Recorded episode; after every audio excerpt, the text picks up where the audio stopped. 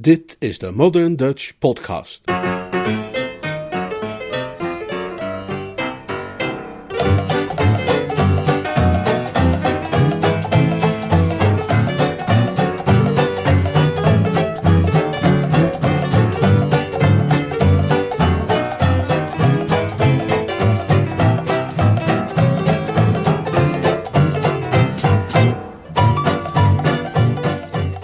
Graag gedaan.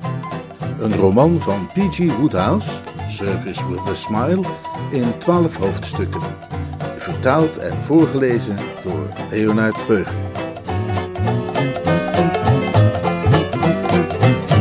Hoofdstuk 5 Zijn wandeling bracht de hertog bij het kot van de keizerin, waar hij een sigaar opstak om vervolgens, leunend over het hek, toe te kijken hoe zij een laat ontbijt verorberde. Afgezien van een zekere zwaarlijvigheid hadden de hertog van Dunstable en de keizerin van Blandings weinig gemeen. Tussen hen ontbrak iedere zielsverwantschap. In de tien minuten die volgden kwam er dan ook geen enkele uitwisseling van ideeën tot stand. De hertog rookte in stilte zijn sigaar. De keizerin richtte zich op haar vastberaden wijze op de dagelijkse consumptie van haar 57.800 calorieën. Lord Emsworth zou zoiets niet mogelijk hebben geacht, maar de aanblik van dat uitgelezen varken dompelde de hertog in grote somberheid. Hij bekeek haar niet met bewondering, maar met groeiende ergernis. Daar, zei hij tegen zichzelf, stond een Berkshire zeug te schranzen die, wanneer verplaatst naar zijn eigen huis in Wiltshire, 2000 pond aan zijn banksaldo kon bijvoegen, maar er was geen hoop op zo'n verplaatsing.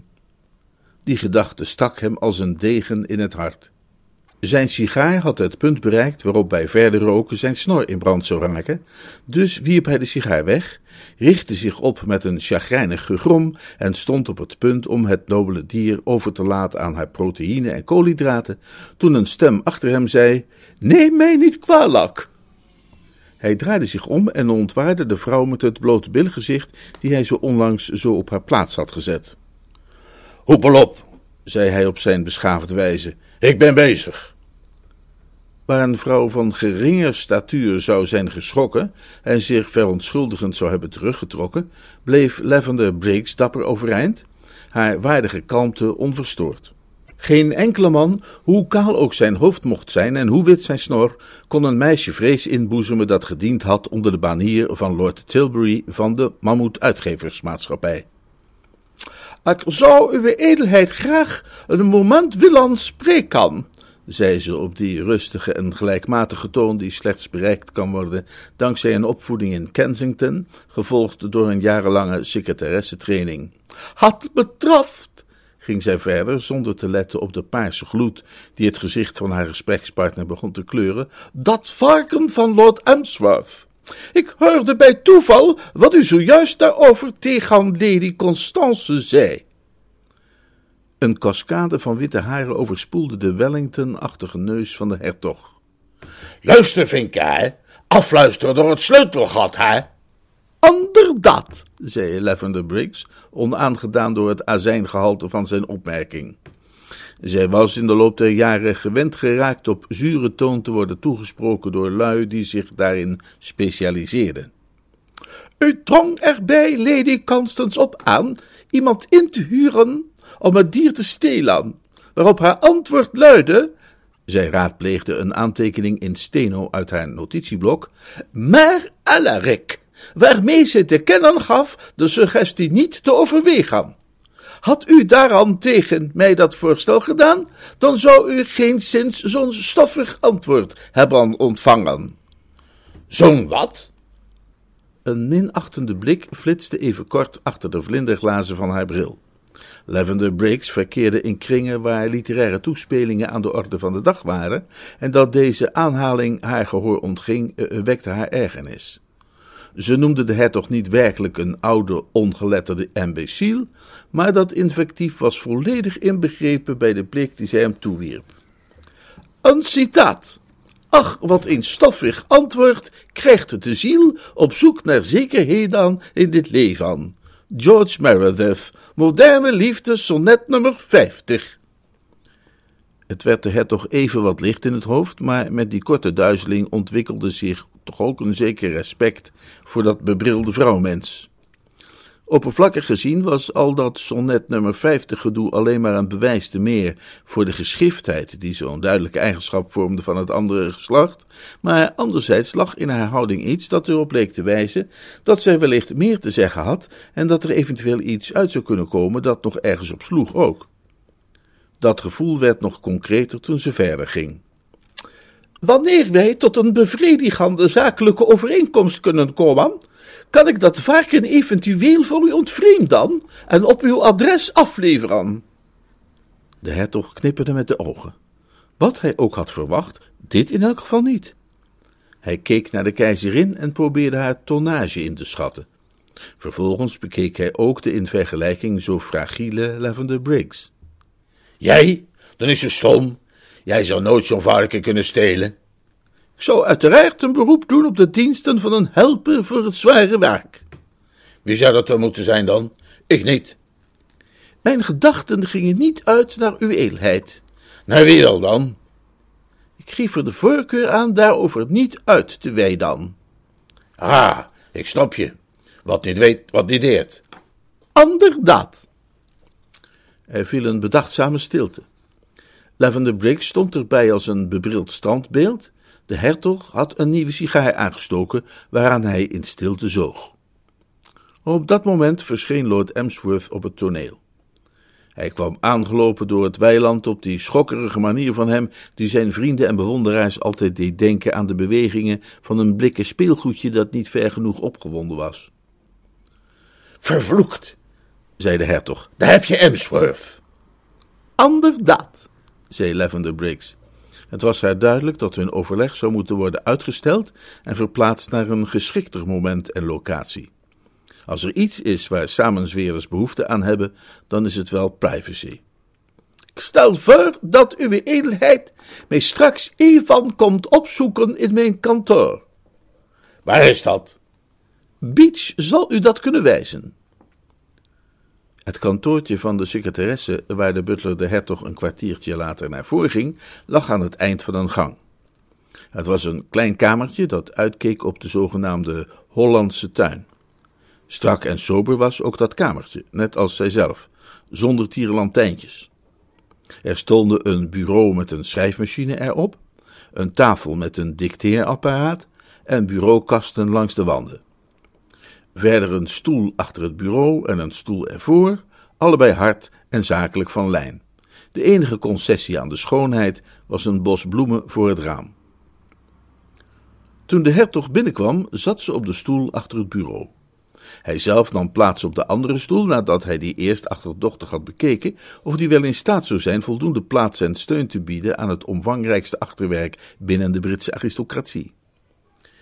Heb er eens over nagedacht, wat je er net zei, zei hij, dat je dat varken wel voor me wilde stelen. Die helper waar je het over had. Weet je zeker dat je die kunt krijgen?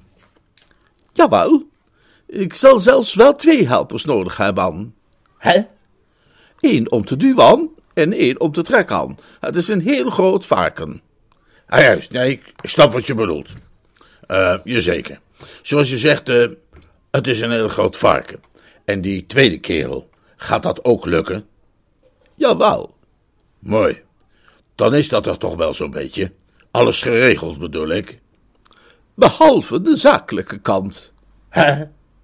Een en ander kan alleen worden uitgevoerd op basis van een bevredigende, zakelijke overeenkomst. Ik ben daar duidelijk over geweest. Ik verwacht uiteraard voor mijn dienststand te worden schadeloos gesteld. Ik ben bezig het nodige kapitaal bijeen te brengen om een particuliere secretaressedienst te beginnen. Een secretaressedienst, hè? zei de hertog, een voorzichtig man waar het ging om de centjes. Hm, ik weet wat je bedoelt. Zo'n kantoor vol schrijfmachines en meisjes die erop zitten te hameren met een lawaai alsof ze klinknagels zitten in te slaan. Nou ja, veel zul je daar niet voor nodig hebben.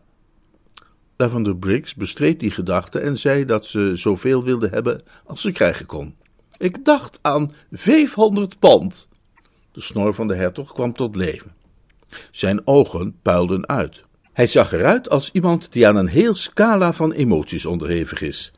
Vijf, wat? U had een geringer bedrag in gedachten dan? Ja, ik dacht aan, uh, aan een tientje. Tien pond? Lavender Briggs glimlachte meewarig, alsof een kennis van haar een fout maakte in de kwantiteit der woordvoeten bij het citeren van Horatius. Dat zou een aardige winst opleveren, dacht ik zo. Hè? Tegen Lady Constance zei u dat u een vriend had die bereid was u 2000 pond te geven voor het dier. De hertog kauwde een ogenblik in stilte op zijn snor en betreurde het dat hij zo expliciet was geweest. Uh, ik, uh, ik hield er voor de gek, zei hij in een dappere poging. Oh ja? Een schuldig grapje. Is dat zo? Ik heb het anders op pied de la lettre genomen. Oh, wat te la wat? vroeg de hertog, die al even goed was in Frans als in Engelse letterkunde. Ik heb uw uitspraak letterlijk genomen.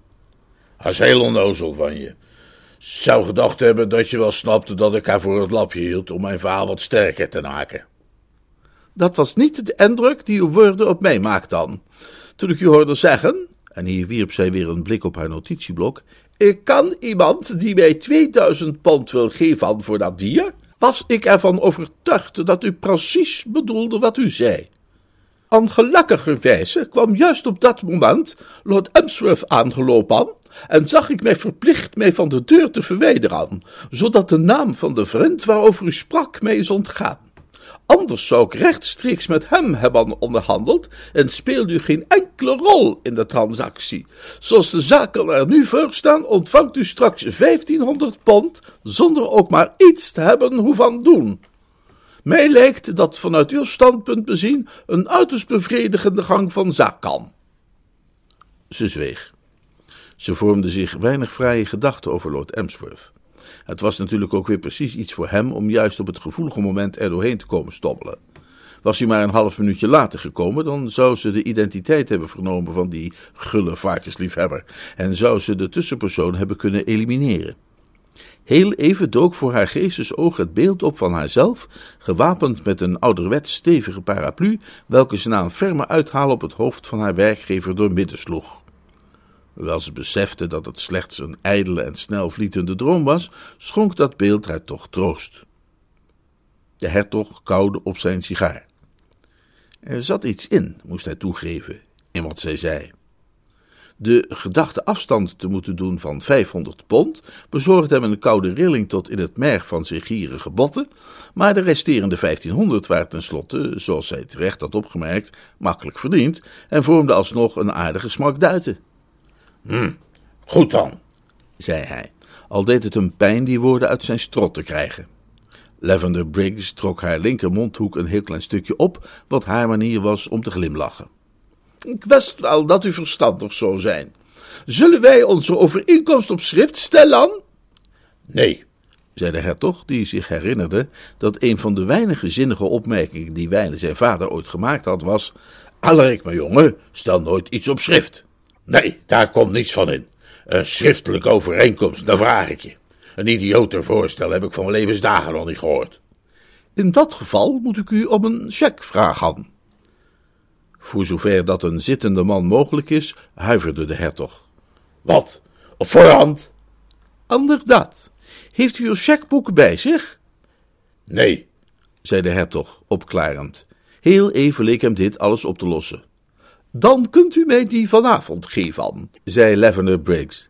En voor nu kunt u mij dan nazeggen. Ik, Anna ik, hertog van Dunstable, beloof hierbij plechtig aan u, Lavender Briggs, dat wanneer u Lord Emsworth Varken, de keizerin van Blandings, voor mij steelt en aflevert bij mijn huis in Wiltshire, ik u de somma zal betalen van 500 pond. Klinkt krankzinnig. Niettemin moet ik aandringen op een formele overeenkomst, ook al is dat slechts een mondelinge. Nou ja, al goed. De hertog herhaalde haar woorden, hoewel hij ze idioot bleef vinden. Hij moest dat mens maar gewoon haar zin geven. Dank u, zei Lavender Briggs en vertrok om de omgeving uit te gaan kammen naar George Cyril Wellbeloved.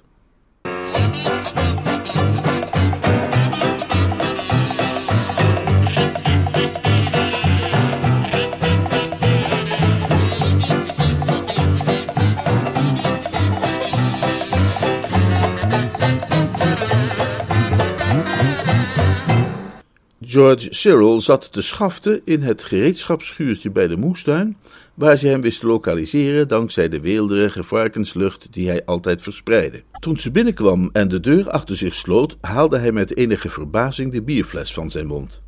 Hij had haar zo af en toe wel rond zien lopen en wist ook wel wie ze was, maar had nooit echt kennis met haar gemaakt en vroeg zich af waaraan hij de eer te danken had van dit bezoek.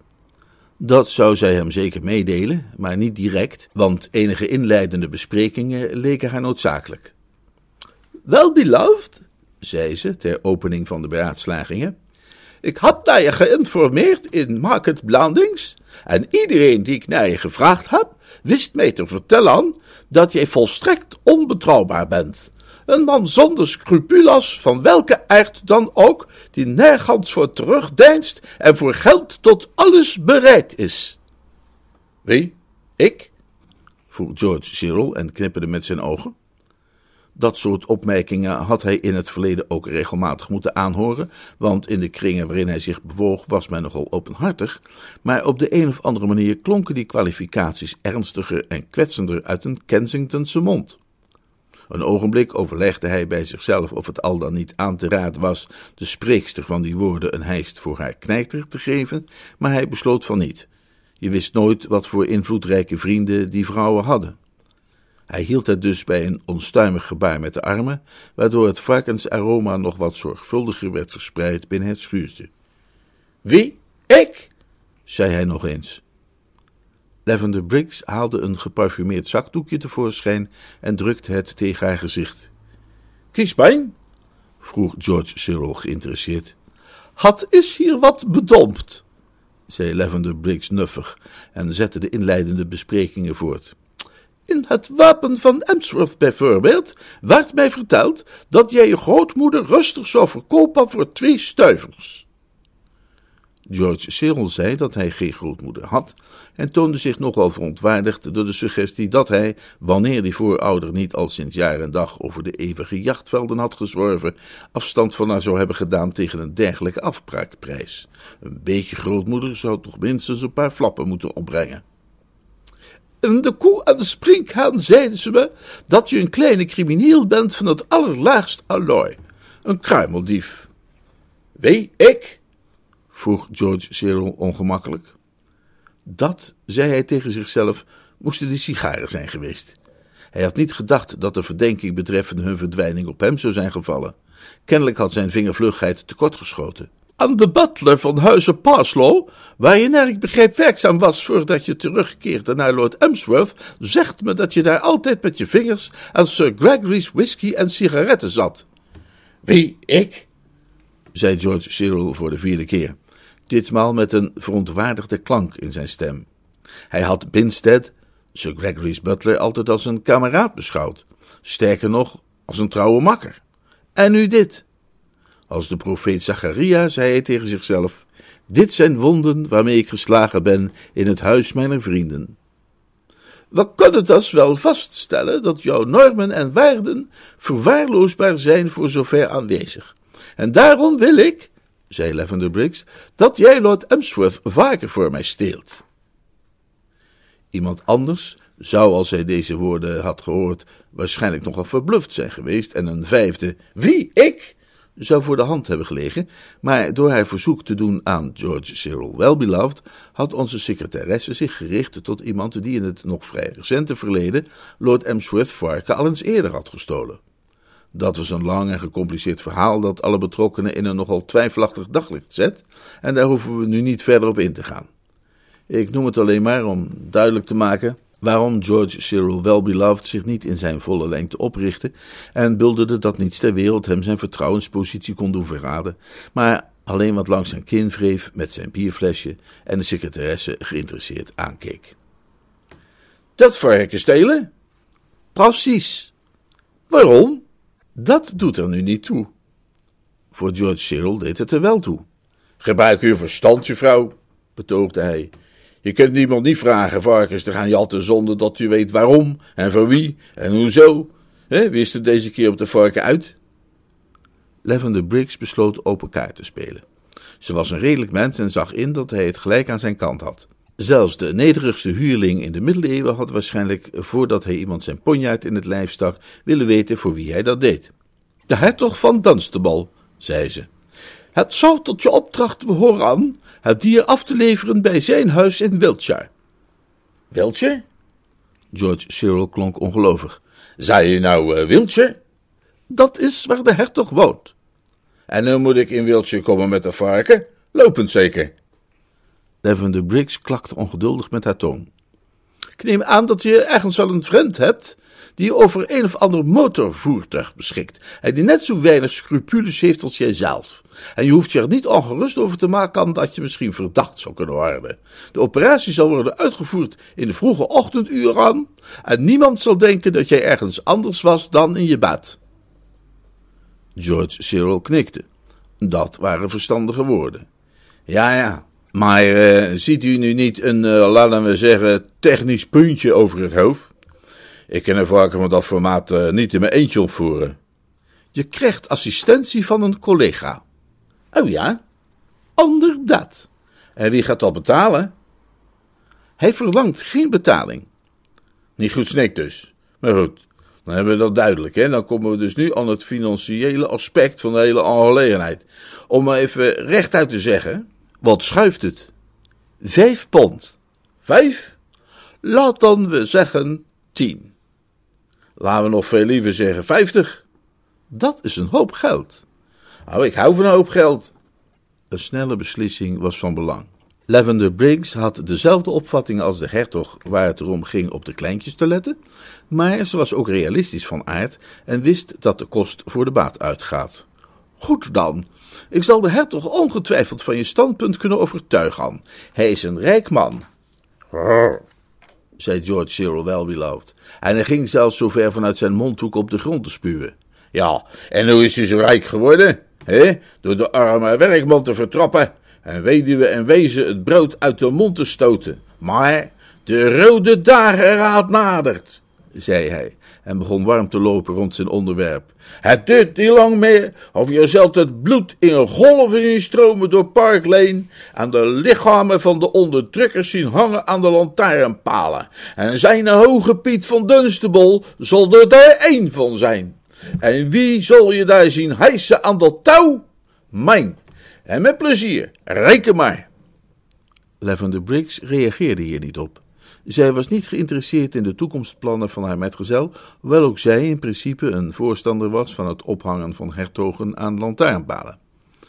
Op het ogenblik was echter al dat haar door de gedachte ging het feit dat zij een zakelijk heel bevredigende overeenkomst had gesloten, en als goede zakenvrouw voelde zij zich daarbij in stilte zeer opgetogen. Ze stond op het punt 450 pond te verdienen in plaats van 500, maar anderzijds was een zeker percentage aan onkosten natuurlijk steeds te verwachten geweest. Nu de conferentie was afgerond en de voorwaarden waren geregeld, achtte George Cyril Welbeloved het gerechtvaardigd zijn bierfles aan de mond te zetten, en de aanblik daarvan herinnerde zijn gesprekspartner eraan dat er nog een enkel punt moest worden toegevoegd. Eén dingetje nog, zei ze. Wij gaan ons dus niet meer volgieten met alcoholhoudende drankan. Het gaat om een uiterst precaire onderneming waarvoor je nu bent ingehuurd en wij kunnen geen enkel risico nemen. Ik wil je wakker zien en helder. Dus voorlopig even geen drank. Behalve bier natuurlijk. Ook geen bier. Als George Cyril niet op een omgekeerde kruiwagen had gezeten, zou hij hebben gewankeld en was hij wellicht zelfs achterover gevallen. Geen bier? Geen bier. En als u zegt geen bier, dan bedoelt u geen uh, bier. Inderdaad. Ik zal daar scherp het oog op houden. En ik heb zo mijn informant dan. Ha, mocht ik ontdekken dat je toch gedronken hebt, dan kost je dat vijftig pond. Ben ik duidelijk? Inderdaad, zei George Cyril Welbeloved somber. Dat is dan helder, zei Lavender Briggs. En vergeet het niet. Ze verliet het schuurtje, blij van de muffe lucht daarbinnen te zijn verlost, en liep in de richting van het huis. Ze wilde nu heel graag nog even een woordje spreken met Lord Ickenham's vriend Cuthbert Merryweather.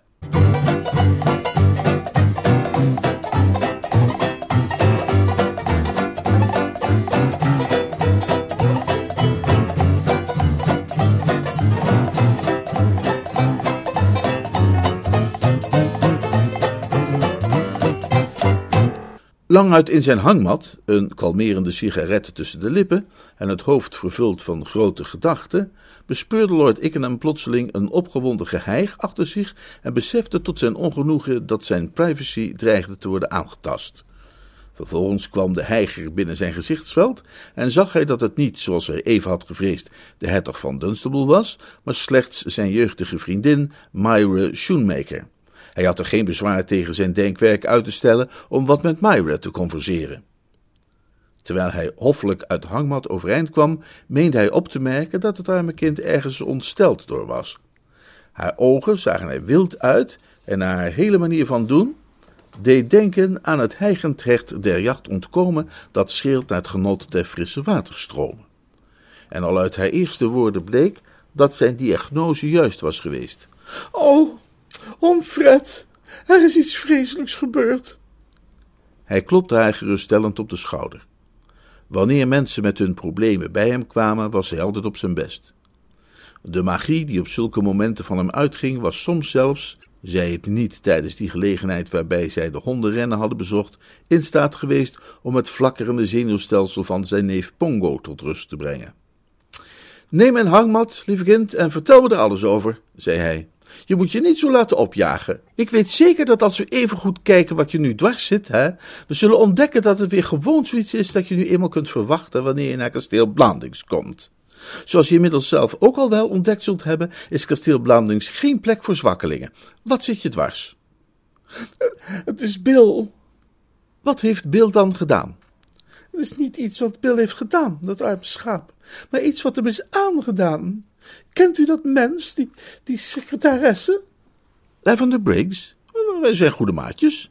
Emsworth mag haar niet, maar naar mijn smaak bezit ze een soort angstwekkende charme. Ze doet bedenken aan mijn danslesjuffrouw uit de eerste klas, op wie ik tijdens de gevoelige jaren van mijn jeugd hevig verliefd was. Hoewel, als ik verliefd zeg, dan heb ik het niet over echte verliefdheid, maar meer een soort eerbiedig ontzag. Dat voel ik ook voor Lavender Briggs. Ik heb pas geleden een hele tijd met haar gepraat. Ze vertelde me dat ze een particulier secretaressebureau wil beginnen, maar niet over voldoende kapitaal beschikt. Waarom ze dat mij nu precies heeft toevertrouwd, weet ik niet. Ik neem aan dat ik over een sympathieke uitstraling beschik. Je hoort wel eens dat mensen dat van nature hebben. Een cynicus zou waarschijnlijk hebben gedacht dat ze bezig was om te proberen geld van me los te peuteren, maar dat geloof ik niet. Ik denk dat ze simpelweg. Uh, uh, Zweedse oefeningen? Onderbrak hij zichzelf toen zijn gesprekspartner haar armen met een gepassioneerd gebaar in de lucht wierp. Praat toch eens niet zoveel om Fred. Lord Ickenham moest erkennen dat haar verwijt terecht was. Hij verontschuldigde zich. Neem me niet kwalijk, dat is een slechte gewoonte van mij. Ik zal proberen af te leren. Wat wilde je me vertellen over La Briggs? Dat ze een gemene chanteuse is, een afperster. Wat is ze? Je verbaast me. Wie chanteert ze dan? Bill, die arme schat. Ze wil hem dwingen om Lord Emsworth varken te stelen. Er was veel voor nodig om Lord Ickenham te verbazen, maar deze woorden slaagden erin. Het was zijn stelregel in het leven om toch vooral altijd voorzichtig te zijn, vooral wanneer men op kasteel Blandings verbleef, en op elk moment van de dag of de nacht eigenlijk alles te verwachten. Maar hier was hij toch niet op voorbereid geweest. Hij had maar een kleine snor, niet vol en borstelig als die van de hertog, en ook wapperde die niet omhoog, zoals die van de hertog gedaan zou hebben, maar hij trilde zichtbaar op zijn bovenlip. Hij staarde naar zijn jeugdige vriendin, alsof die jeugdige vriendin er eentje te veel op had. Wat bedoel je in hemelsnaam? Precies wat ik zeg. Ze wil dat Bill het varken van Lord Emsworth gaat stelen. Ik weet niet wie erachter zit, maar er is iemand die dat beest wil hebben. En zij werkt in zijn opdracht en heeft mijn Bill, die arme schat, gerecruiteerd als haar assistent. Lord Ickenham floot zachtjes. Op kasteel Blandings zul je je niet gauw vervelen, dacht hij bij zichzelf. Hoewel hij eerst ongelovig had geklonken, snapte hij inmiddels hoe plausibel haar verhaal was. Mensen die andere mensen inhuren om varkens te stelen, weten dat de arbeider zijn loon waardig is, en de man achter de schermen in deze onderneming zou ongetwijfeld Lavender Briggs belonen met een beurs vol goud, die haar in staat zou stellen haar secretaressebureau te openen. Dat was duidelijk genoeg, en ook La Briggs' enthousiasme voor het project viel te begrijpen, maar dan nog was er het verbazingwekkende probleem waarom zij dan de eerwaarde Cuthbert Bailey had geselecteerd als haar medewerker. Waarom, verdorie, dacht Lord Ickenham, zij kenden elkaar nauwelijks. Maar waarom Bill? U bedoelt waarom Bill? Precies, waarom is hij de uitverkorene? Omdat ze hem in haar macht heeft. Zal ik het hele verhaal vertellen? Dat zou zeker helpen. Na een korte inleiding, waarin ze duidelijk maakte dat wanneer vrouwen als Lavender Briggs levend werden gevild en in kokende olie geworpen, de wereld daar aanzienlijk mooier en beter van zou worden, begon zij haar relaas. Bill was even een eindje gaan wandelen daarnet en toen kwam zij er opeens aan. Oh, hallo, mooi weertje, zei hij. En zij zei anderdaad zeker. Nee, ze zei ik wil even met u spreken, Mr. Bailey. Mr. Bailey? Dus ze wist wie hij was? Ze wist dat vanaf het moment dat hij hier aankwam. Het blijkt dat toen zij in Londen woonde, ze veel in Bottom East rondscharrelde, waar ze goede werken verrichtte onder de armen en dat soort dingen. Daar had ze hem natuurlijk dus wel eens gezien, en ze had hem onmiddellijk herkend toen hij hier opdook. Bill heeft een gezicht dat je niet gauw vergeet. Lord Ickenham moest toegeven dat het inderdaad nogal de neiging had een blijvende afdruk te vormen op het mentale netvlies. Hij keek daar ernstig bij. Had hij aanvankelijk gedacht dat zijn hulp werd ingeroepen bij een onbeduidend jongemeisjesprobleempje, waarschijnlijk zelfs alleen maar ingebeeld? Het was hem inmiddels duidelijk dat het om een ware crisis handelde.